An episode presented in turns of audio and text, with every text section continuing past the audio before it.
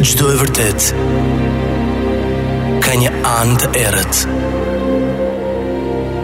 Një anë gri.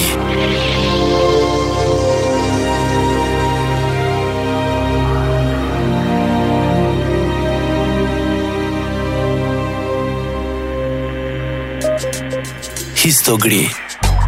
Në Top Albania Radio.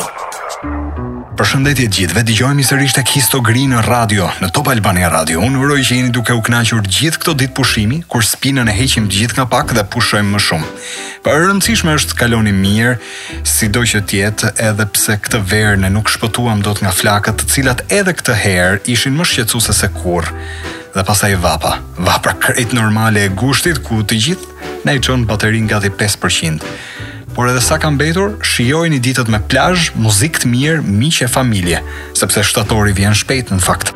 U bë gati muaji i dytë në këtë sezon veror që ju tregojmë histori, por jo histori të zakonta. Si vetë programi i quajmë Histogri, sepse ajo dritëhija e mbajtur gjithnjë brenda këtyre historive ka bërë që ky program të jetë më intrigues. Dhe këtë e thoni ju. Dhe e lexova gati një javë më parë në komentet mbi historinë e vrasjes së Gucci-t. dhe gjeta plot nga ata që e dëgjonin për herë të parë, por i kishte mbajtur historia kaq fort lidhur me intrigat brenda një familjeje miliarderësh, saqë edhe këtë anë të errët ne përpiqemi ta tregojmë javë pas jave, duke ju bërë ju gjithmonë e më të lidhur me radion. Pjesa e errët, e fshehur, ajo mbahet e mbuluar me mister dhe automatikisht edhe me vitet që kalojnë, e bëjnë të shtohet edhe më shumë kuriozitetin publik. Sidomos kur bëhet fjalë për jetën e aktorëve, këngëtarëve, yjeve të ekranit, personazheve me ndikim absolut tek masa. Kjo e fundit shton kuriozitetin gjithmonë mbi atë çfarë nuk njeh, që përflitet dhe mbahet e fshehur deri me fanatizëm nga njerëzit e famshëm të kësaj bote.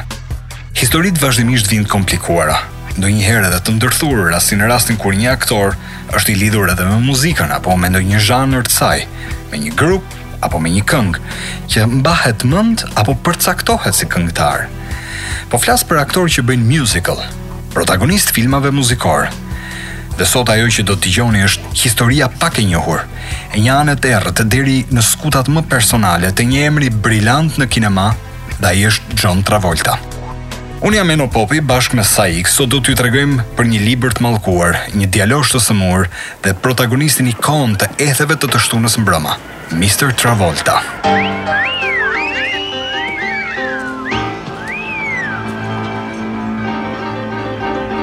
Sandy!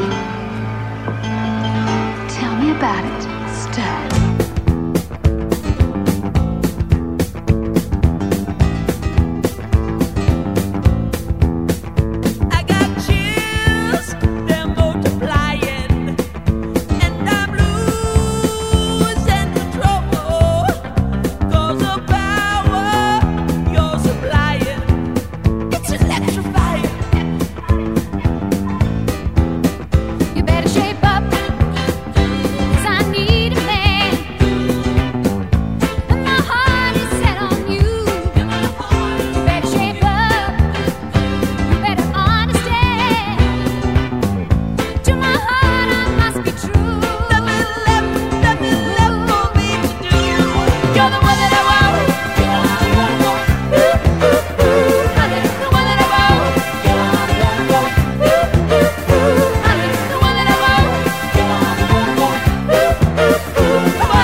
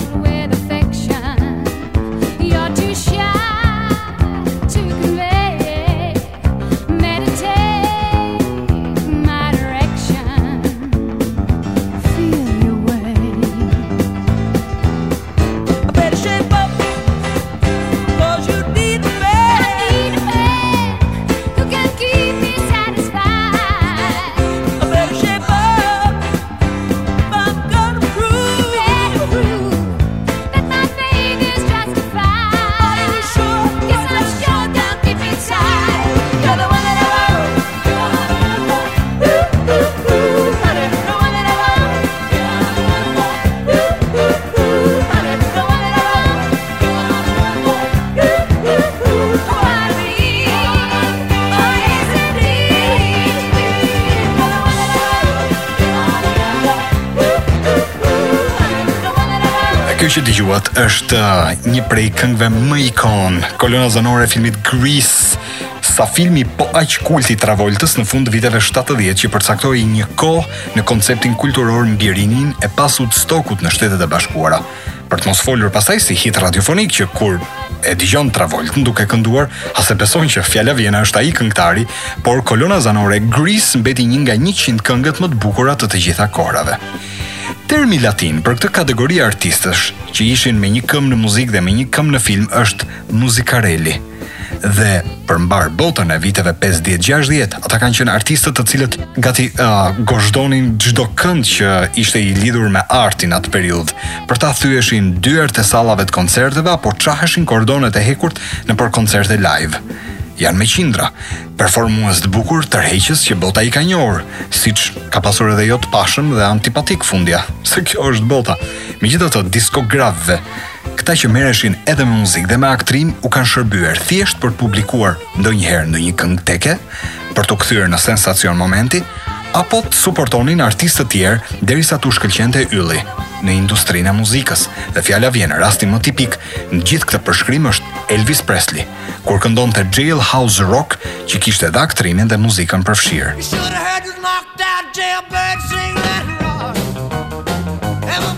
Por le të nisim historinë e John Travolta sot. Rasti i filmit Ethet e të shtunës mbrëma ishte krejt tjetër nga stili musical që Hollywoodi kishte afruar më parë. Fjala bie Blues Brothers me John Landis dhe John Belushi.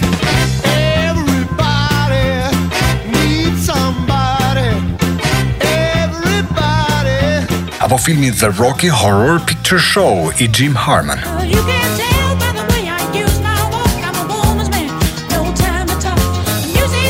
Por ethet e të shtunës mbrëma të Travoltës ishte një film i bazuar te kërcimi. Natyrisht as i pari dhe as i fundi, sepse ka të tjerë si Footloose, Flashdance apo Dirty Dancing që kanë lënë gjurmë në kinema.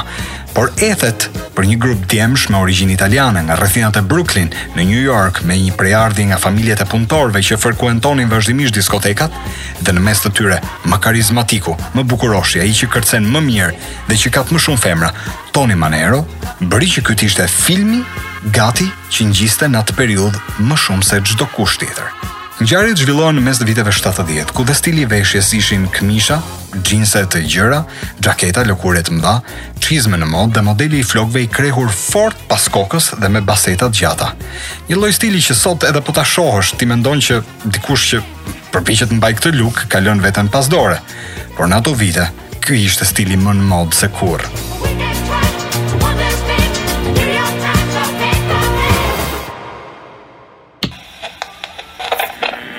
Histogri në Top Albania Radio.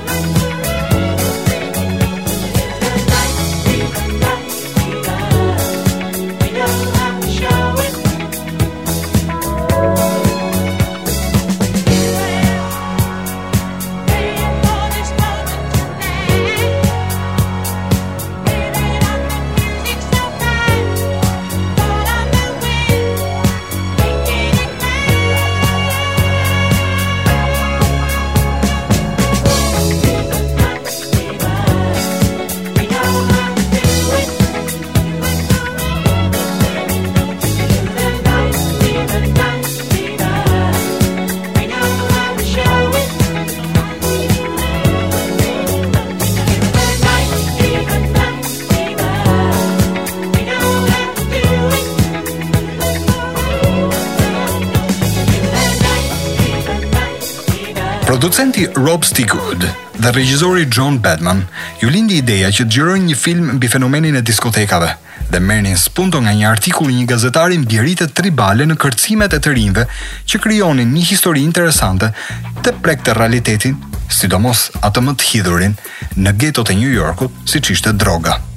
Në qendër të filmit është jeta e një djaloshi macho dhe ekzibicionist. Për ta realizuar këtë rol, regjisorit i vjen ndërmend një italo-amerikan që diku e kishte parë në një telenovelë të ngjashme me filmin e tij. Vini Barberino jeton në Shtetet e Bashkuara të Amerikës, por që nga emri e kupton që rrënjët e familjes i ka italiane. Si të gjithë të rinjtë, ai jeton jetën përpara duke shkuar në shkollë, që i ka takuar të jetë plot me të rinj të kombësive të ndryshme në atë zonë të New Yorkut, të gjithë emigrantë në Amerikë në atë periudhë. Në klasë ai kishte hebrenj, portorikanë, afroamerikanë, të gjithë me shumë pak dëshirë për shkollën, por personazhi që godet dhe bën më tepër përshtypje është Vini. Dhe këtë personazh e interpreton një aktor krejt i ri në ato vite, i angazhuar edhe më parë në role të vogla në kinema. Dhe ai është John Joseph Travolta. I just found a a niche with with Barbarino that was very funny and dumb and and silly and uh it seemed to have an originality about it at that time that made people laugh. You know, they the girls liked him, but the guys laughed at him. Në shumë dëshmi dhe intervista të atyre kohëve, John Travolta i rikthehet Barberinos dhe tregonte se rolin e mori me shumë seriozitet dhe impenjimi ishte maksimal pasi duke realizuar në perfeksion rolin që ai kishte marrë përsipër, shanset që t'i hapeshin rrugët e reja në kinematografi ishin të larta. John është djali i vogël i një familje italo-amerikane me 6 fëmijë dhe jeton në New Jersey. I ati ishte një lojtar bejsbolli që punonte si taksist, ndërsa e ëma kishte patur një të shkuar si aktore dhe këngëtare në radio. Ndaj ishte ajo që brumosi edhe artistikisht diçka tek fëmijët, sidomos tek John Travolta i vogël. Ky i fundit kishte një dëshirë të madhe të bëjë artist ndaj e ëma e mëson të këndojë dhe të kërcejë tip tap. E çojnë edhe në shumë kursa aktrimi ku përfundon shkollën dhe e çojnë në New York, ku aty nisi edhe karrierën e tij artistike. Leksionet e s'ëmës e ndihmuan menjëherë pasi gjeti punë në teatër në një musical në Broadway të quajtur Grease, vendosur në vitet 50. Megjithatë, Travolta e kuptoi se nuk ishte New Yorku vendi që mund t'i hapte mundësitë drejt kinemasë, ndaj shkon në Los Angeles, ku nisi të angazhohej në role të vogla për film dhe televizion, ku personazhet e tij gjithmonë vriteshin në fund. Si më tipiku, filmi Carrie i Brian De Palma. Më pas roli i Vini Barberinos e shtyn regjisorin John Badham t'i propozojë rolin perfekt, atë të Tony Manero tek ethet e të shtunës mbrëma. Sipas regjisorit në atë kohë, John Travolta ishte dukur i duhuri për filmin e tij, pasi i kishte parë dhe aftësitë, kishte vendosur ta testonte. Take it or leave it. Print it, don't print it. Pra musical i famshëm me Olivia Newton-John vjen një vit më vonë, në vitin 78.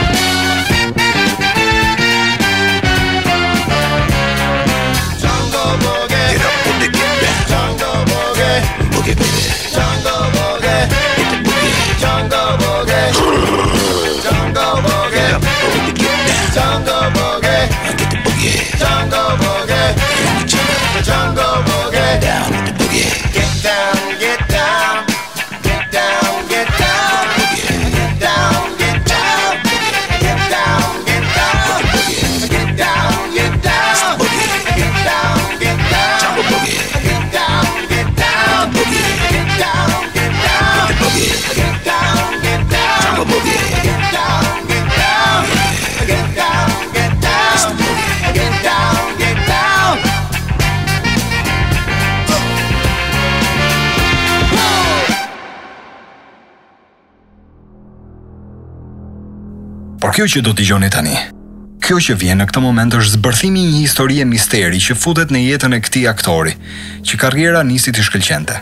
Teksa xhironte këto dy filma në një kohë të shkurtër, John Travolta paralelisht filloi të lexonte një sagë librash të veçantë.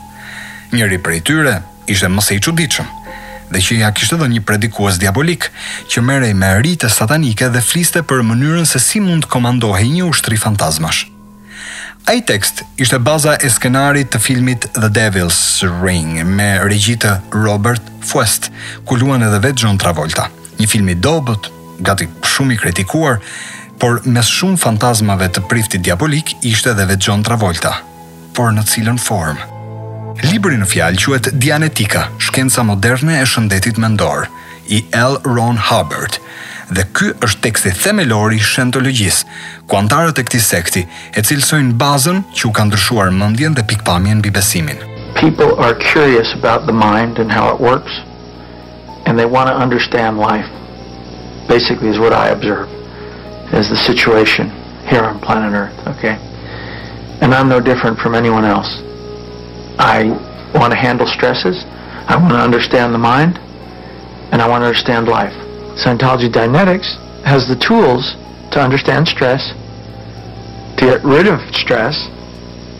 and to understand the human mind and understand life better.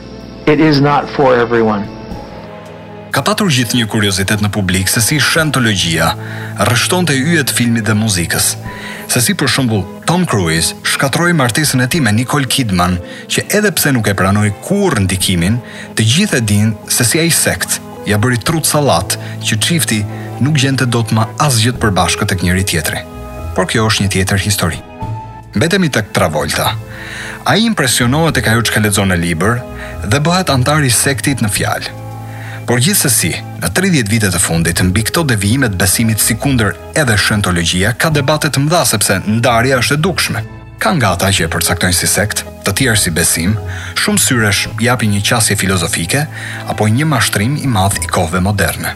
Tani unë nuk dua t'i hyj fare kësaj historie të besimit sepse unë e di që është personale kjo punë, por vetëm dua t'ju vë në vëmendje debatet për dëshmitarët e Jehovait që janë bërë këtu tek ne në Shqipëri.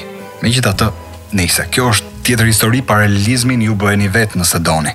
Por për statistikë, kjo që do t'ju them tani, shentologjia është pranuar vetëm në Shtetet e Bashkuara dhe në Australi. ndërsa është ndaluar rreptësisht të operojë në Europë, si në Gjermani, Francë, vendet e ulëta, deri në Greqi.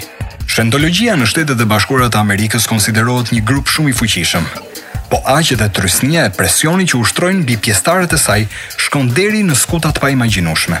Dhe këtë që sapo ju thashë, po citoj Nicole Kidman, e cila e provoi prej Tom Cruise edhe ajo në më pak se një vit të angazhohej me shentologët, por sipas saj lavazhi i fortë i trurit dhe linja e fortë e besimit bënë që ajo të shkëputej dhe rrjedhimisht t'i prishej edhe martesa.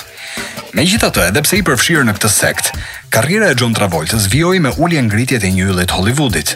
Diku i propozohej një film, pastaj nuk kujtoheshin për të, ai merrte pauza të tjera, angazhohej me shentologjinë më shumë se sa me filmin dhe ishte pikërisht ky moment kur ai zhduket nga angazhimet profesionale.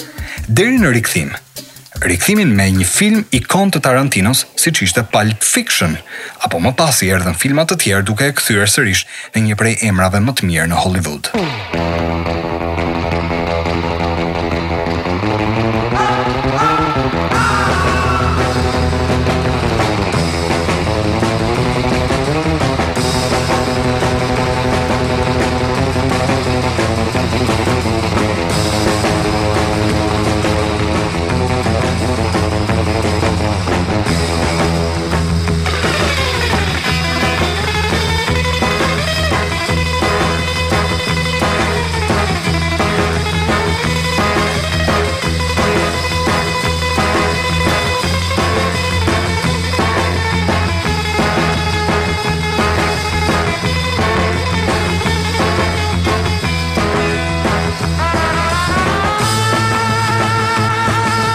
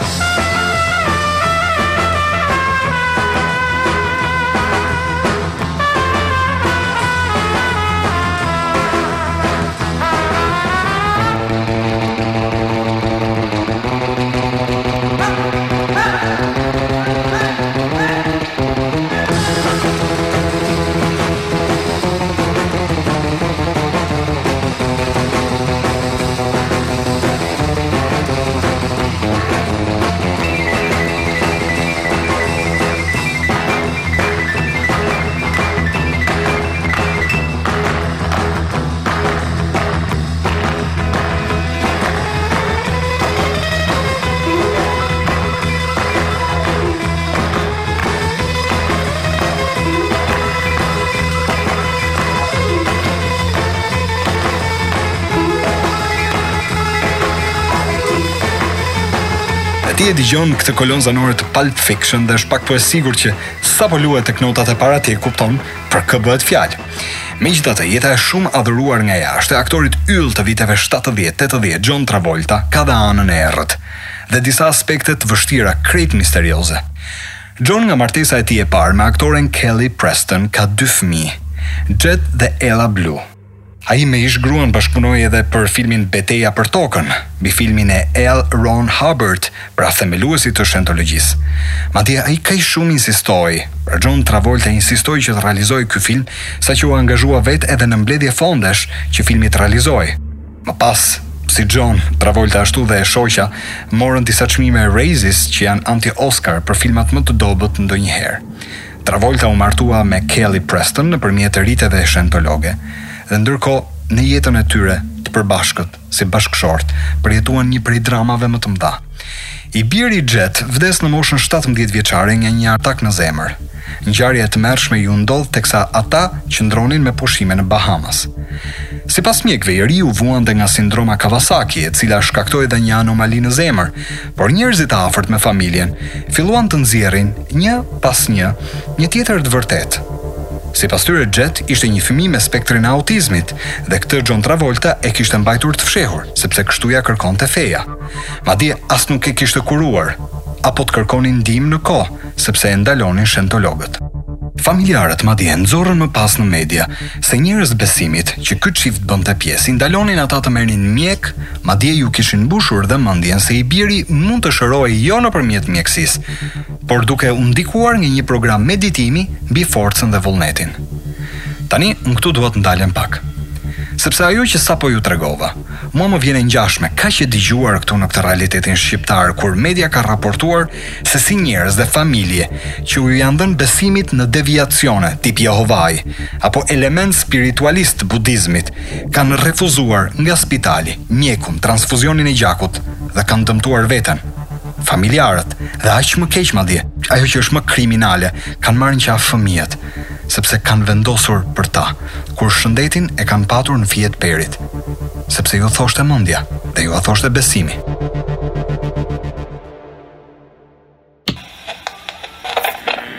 Histogri në Top Albania Radio. Unë e kam shumë qartë që karriera, emri, puna, paratë, aveniri i kujtdo lidhet automatikisht dhe me shëndetin mendor. Sepse nëse do të ishte e kundërta, rrjedhimisht disa arritje nuk do të ishin. Por pikëpyetja mbetet kur kupton se ndonjëherë besimi personal përmbys çdo llogjikë pragmatike të jetës. Por kjo është një filozofi që i takon profesor Fugës. Unë po i rikthehem historisë së errët të John Travoltës. Familjarët që folën për rastin e djalit fatkeq shumë shpejt filluan të mbyllin gojën dhe ndalën edhe deklaratat, sepse sekti natyrisht ishte më i fortë se ata. Sipas raportit të policisë, shtatëmbëdhjetë vjeçari Jett, djali i John Travoltës, ishte lënë i vetëm në dhomë dhe pas një krize epilepsie në banjo, kishte përplasur kokën dhe më pas gjeti vdekjen. John dhe të afërmit e gjetën të shtrirë në dysheme dhe tentativat për ta risjellë në jetë dështuan.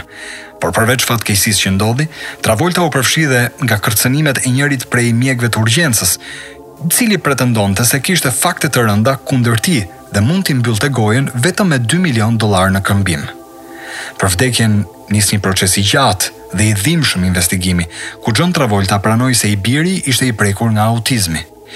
Mes shumë disfatash, përfshirë dhe martesën e shkatërruar, John Travolta vendosi që të bënte filma më pas dhe dhimbjen ta kanalizonte në punë.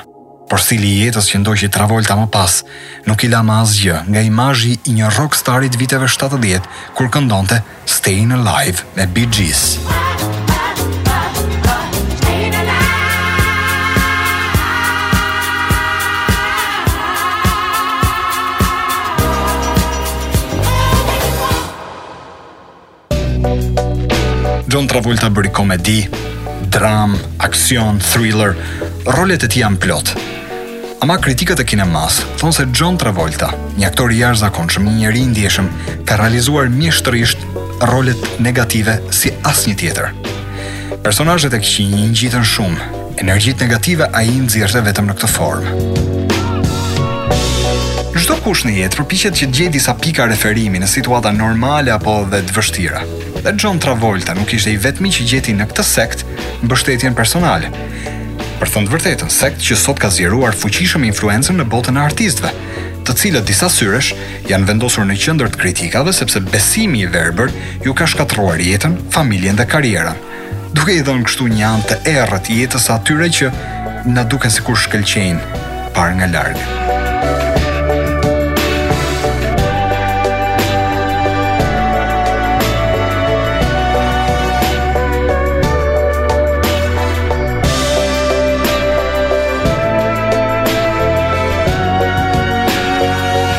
Kjo që dëgjuat ishte pjesa më personale, natyrisht e folur publikisht, por edhe më e errët, e aktorit John Travolta. Ju e dëgjuat sot tek Histogri në radio. Me kaq kemi ardhur në fund të programit. Ky program gjendet në podcast edhe në platforma dixhitale në Apple Podcast dhe po ashtu edhe në Spotify. Duke ju uruar të gjithëve që të kaloni një mbrëmje të këndshme, ne dëgjohemi sërish javën tjetër tek Histogri. Natën e mirë.